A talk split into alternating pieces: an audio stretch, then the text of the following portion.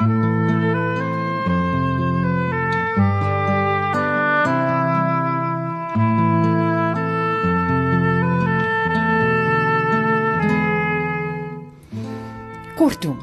kortom beteken storietyd.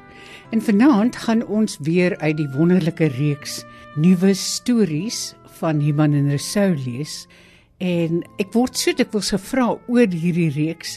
Ek gaan net 'n klein bietjie agtergrond daaraan gee.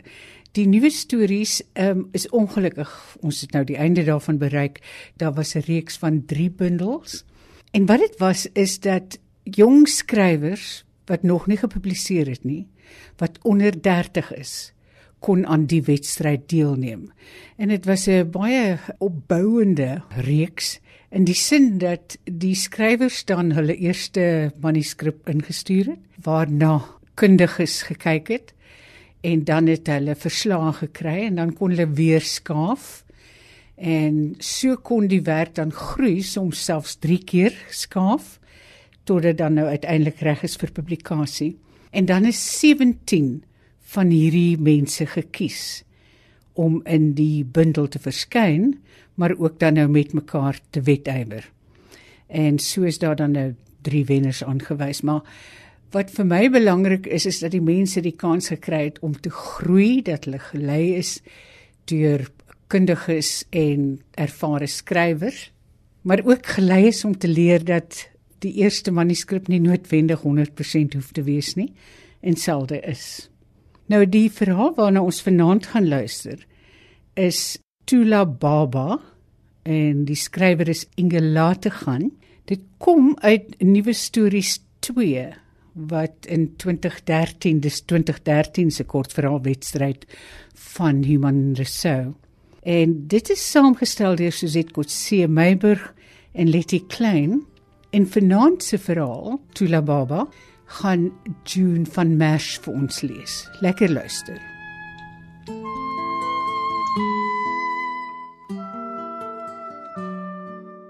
Lolita loop en kyk hoe die grou-grys miswolk Tafelberg stadig en saggies bedek terwyl sy probeer byhou by haar ma se haastige tree. Haar skraal lyf een-een gekrimp teen die brandende koue en ysdruppels die narkaalbeentjies. Kom Lolita, Laat jou voete ras. As ek vandag weer laat by madam aankom, kan ek maar net sowel by daai hek omdraai. Jy moet nie aan aan as die skoolklok gelei het nie. Anders dan hy enkel chappies van jou weg. Hoor jy? Ek sal vanaand moet opreg maak na gepay het. Charity, ek hoop jou se pa kom dadelik hy so na sy shift. En Aline, sonder daai vrinne. Vanaand las ek vragtig vir dronklappe nie. Lolita sug en krekel haar neus. Mami, juffrou sê ons mag nie jy en Josie nie. Dis jy en jou. Net so sê sy. Sy vryf in gedagte oor die houtkruisie om haar nek wat haar ma tyd gelede vir haar by die vloeimark in Groenpunt gekoop het, na sy heeldag in die son moes sit tot haar ma klaar was met die dag se car watching. Die vrou reageer nie, lig net haar kop en loop verder. Sy stam. Moeg gewerk om die madam wat met niks tevrede is, gelukkig te hou moeg daarvan om elke dag kam reën of sunshine of snikjete somersdae die en te loop na waar die queen in 'n kolossale huis bly. En die madam weet tog te goed waar sy Grace bly. Dink sy ooit aan my my kind as sy met haar blink kar verby die fletsery wonder sy. Aand na aand skakel sy die eenstaaf verwarmer vir 'n tydjie aan met die hoop dat die hitte alles net vir 'n klein rukkie die ysigheid sal verdryf van die lekkende flat vol ou goed, stikkende goed goed wat ander mense op 'n ashoop gaan gooi, raak haar hou goed. Die armste van die armes wees, het in haar beenderre kom lê. Dit in die houe van haar man. 'n Gewelddadige, bedwelmde dronk monster wat nie meer weet wat trots beteken nie. Wat nie eens genade het vir sy eie bloedkind wat bang in 'n bondeltjie onder die tafel lê nie. Nadat weer stil geword het en as nog nie die reuk van die wyn uit die plastiekbottel in die lug hang, sal Alita versigtig onder die tafel uitkruip tot op haar skoot. Dan vertel sy vir die kind storieetjies van 'n wêreld met baksteenhuise sonder stukkende vensters of aangelapte sinkhokkies. 'n Kinderlewe met beloftes van hoop, sonder stofpaaie en gangsters met hul dollars en white pipes. Die gelag en geheel van kinders onderbreek haar gedagtes. Nou toe Lolita, ek sal kyk of ek eers vir jou kan kouse koop vanmiddag. Tara, en onthou, ja mami, ek weet Tara, I love you true. Lalita huppel die laaste entjie huis toe en probeer die plasse water misspring. Haar sokkies is klaar nat en haar tone juk. Die skoolskoene wat sy by haar niggie geërf het se sole is al so dun, sy voel elke klippie in die water wat insypel maak haar tone koud.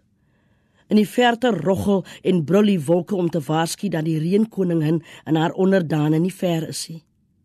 'n Matraskoppie loer vir haar om die bossie by die tuinhekkie. Dit is Tumi, aan die rous van oorkant se handskind. Toe Lolita by haar kom, kyk Tumi op en vier die stof af van haar verslete rokkie wat al lankal te klein is. Nee, sis Tumi, kyk hoe loop hy snot. Mens loop so buite rondie. Gaan in huis toe, dis koud. Dit oor dat jy 'n special kind is, maak jy dat jy so kan lekkie. Dit vat jou draadka ook in vir iemand te steel. Tumi staar haar oop mond aan en beweeg. Hy. Al wat beweeg is die pink lint in haar hartjies wat vanmiddag weer in alle rigtings staan, kompleet asof die Kaapse dokter daarin kom nes skrop het. Gee jou hand dan loop ek saam met jou. Nooi Lelita. Versigtig vat Tomia draadkar en stoor dit tot by Androu se huis.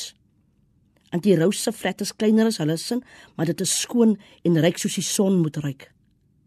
"Ai, dankie kind," sê Androu toe sê hulle gewaar. "Tomie verdwyn mos net. Lyk van gatskuur daai enetjie. Nie dat ek haar kwaadlik neem nie, ook maar net 'n kind van 'n kind." Haar se maat ook so gat geskuur tot sy staan en preekend raak het in die uitsaak kom haal het. Maar my Jared toe my, as jy nou weer in jou nuus gat staan en grawe, gaan ek vir jou klap laat hy snot van jou om jou draai. Ek praat elke dag met jou oor dit. Luister jy nie of hoor jy my nie? Gat vir af jou nuus. Androu sug en droog Hanna na voorskot af. Anyways, kom sit jy so bietjie sodat ek vir jou kan sop gee. Fyn soos 'n ou tinkie. Ek is alright, auntie. Ek is so honger en ek het Maar Auntie Rou stap klaar met haar logge lyf na die gasstoofie waar sy die sop in 'n blikbeker skep. Toe Auntie Rou die blikbeker voor Lita neersit en sy hande om die beker vou, voel sy haar lyf warmer raak en die hongerpyn stadig maar seker verdwyn. Toe Lita die deur oopstoot, hoor sy die geklap van dominoes. Die benoude reuk van suur wynasems in goedkoop twak slaan op in haar neus. Haar pa en sy dronk vriende sit plat op die vloer. Toe haar pa opkyk, herken sy die wasigheid oor sy oë. "Lily, jy kom asof jy God sent is." Het koop daar vir my paar los sigarette by die caravan kiffie toe. Sy kan anyway nie hier kom staan aan tanne tally. Hoe hulle maat altyd gesê, kinders kan gehoor maar nie gesien word nie. As daar changes, koop maar sweetie. Dan is ons albei happy, né? Hy prop die gekreukelde nootbewerig in haar hand. Van naderby tref 'n ou sweetreuk haar. Sy hou asem op. Die narheid wil wil in haar keel opstoot. Sy vlug na buite en haar sit op die boomstomp in die yard. Sy vou haar hande in gebed, die noot styf vasgeklem. Liewe Jesus, sag en teer, sien op my u kindjie neer. Asseblief, liewe Jesus, laat die ooms weg wees en my pa slaap voor mammie voor 'n klok by die huis kom. Jy weet sy gaan met my pa ras en dan gaan hy lelik wees met haar. Vir almal, dan gaan die oomies vir haar uitlag. Jy weet ook wat se lelike goed hulle haar noem. Dis daardie woorde wat ek nie mag sê nie, anders smeer my ma seep in my mond. Sy sug en kyk op na die wolke. Voor 'n klok is amper Jesus. Ek sal never my kruisie van my nek afhaal nie. Jesus promise. Mamma het 'n lang dag gehad. Kom help my asseblief Jesus. Amen. Sy staan op en lig haar kop, nes haar ma geleer het, en vat die paadjie wat sy al so goed ken, kafee toe. 'n Entjie verder voel sy skielik 'n groot hand op haar skoot. Sy kyk om in 'n uitgeteerde gesig met piering groot oë. Om trane. Hy het net nou nog by Derry gesit. Haar hart klop benoud in haar borskas. Die man maak haar bang, want sy mond glimlag, maar nie die oë met die groot pupille nie. Sy probeer iets sê, maar haar woorde steek vas in haar keel soos brood wat nie botter het nie. Dan laat val sy die noot wat haar pa gegee het, maar haar bene is te lam om te buk om dit op te tel. Die vrou sit in een gekrimp en staar na die eenvoudige grafsteen voor haar. Vir die soveelste keer wonder sy hoe sy en haar kind nou juis hier opgeëindig het. Dit is nou maande van in die polisie voor die fletse kom stop het om die nuus te bring dat hulle Lolita gekry het. Soms so. Net soos 'n lappop tussen die bosse op die vlakte gelê met net 'n kruisie om haar nek. Dood. Sy leun vooroor, haar gesig op haar gekruiste arms, haar vingers op die koelklip van die grafsteen. Dan begin sy uiteindelik die huil wat so lank weggebly het, huil. Terwyl die son sak, dwaal haar stem hartseer saam met die stof. Lolita se gunsteling lullaby. Tula tu tula baba. Tula sana. Stil, my kindjie. Bly stil.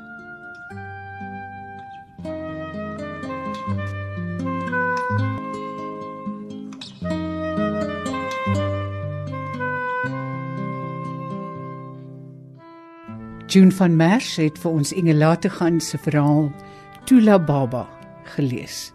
Dit kom uit Nuwe Stories 2 van die 2013 kortverhaalwedstryd en die bundel is ook saamgestel deur Suzette Kotse Meiburg en Letty Klein vir Human en Rousseau.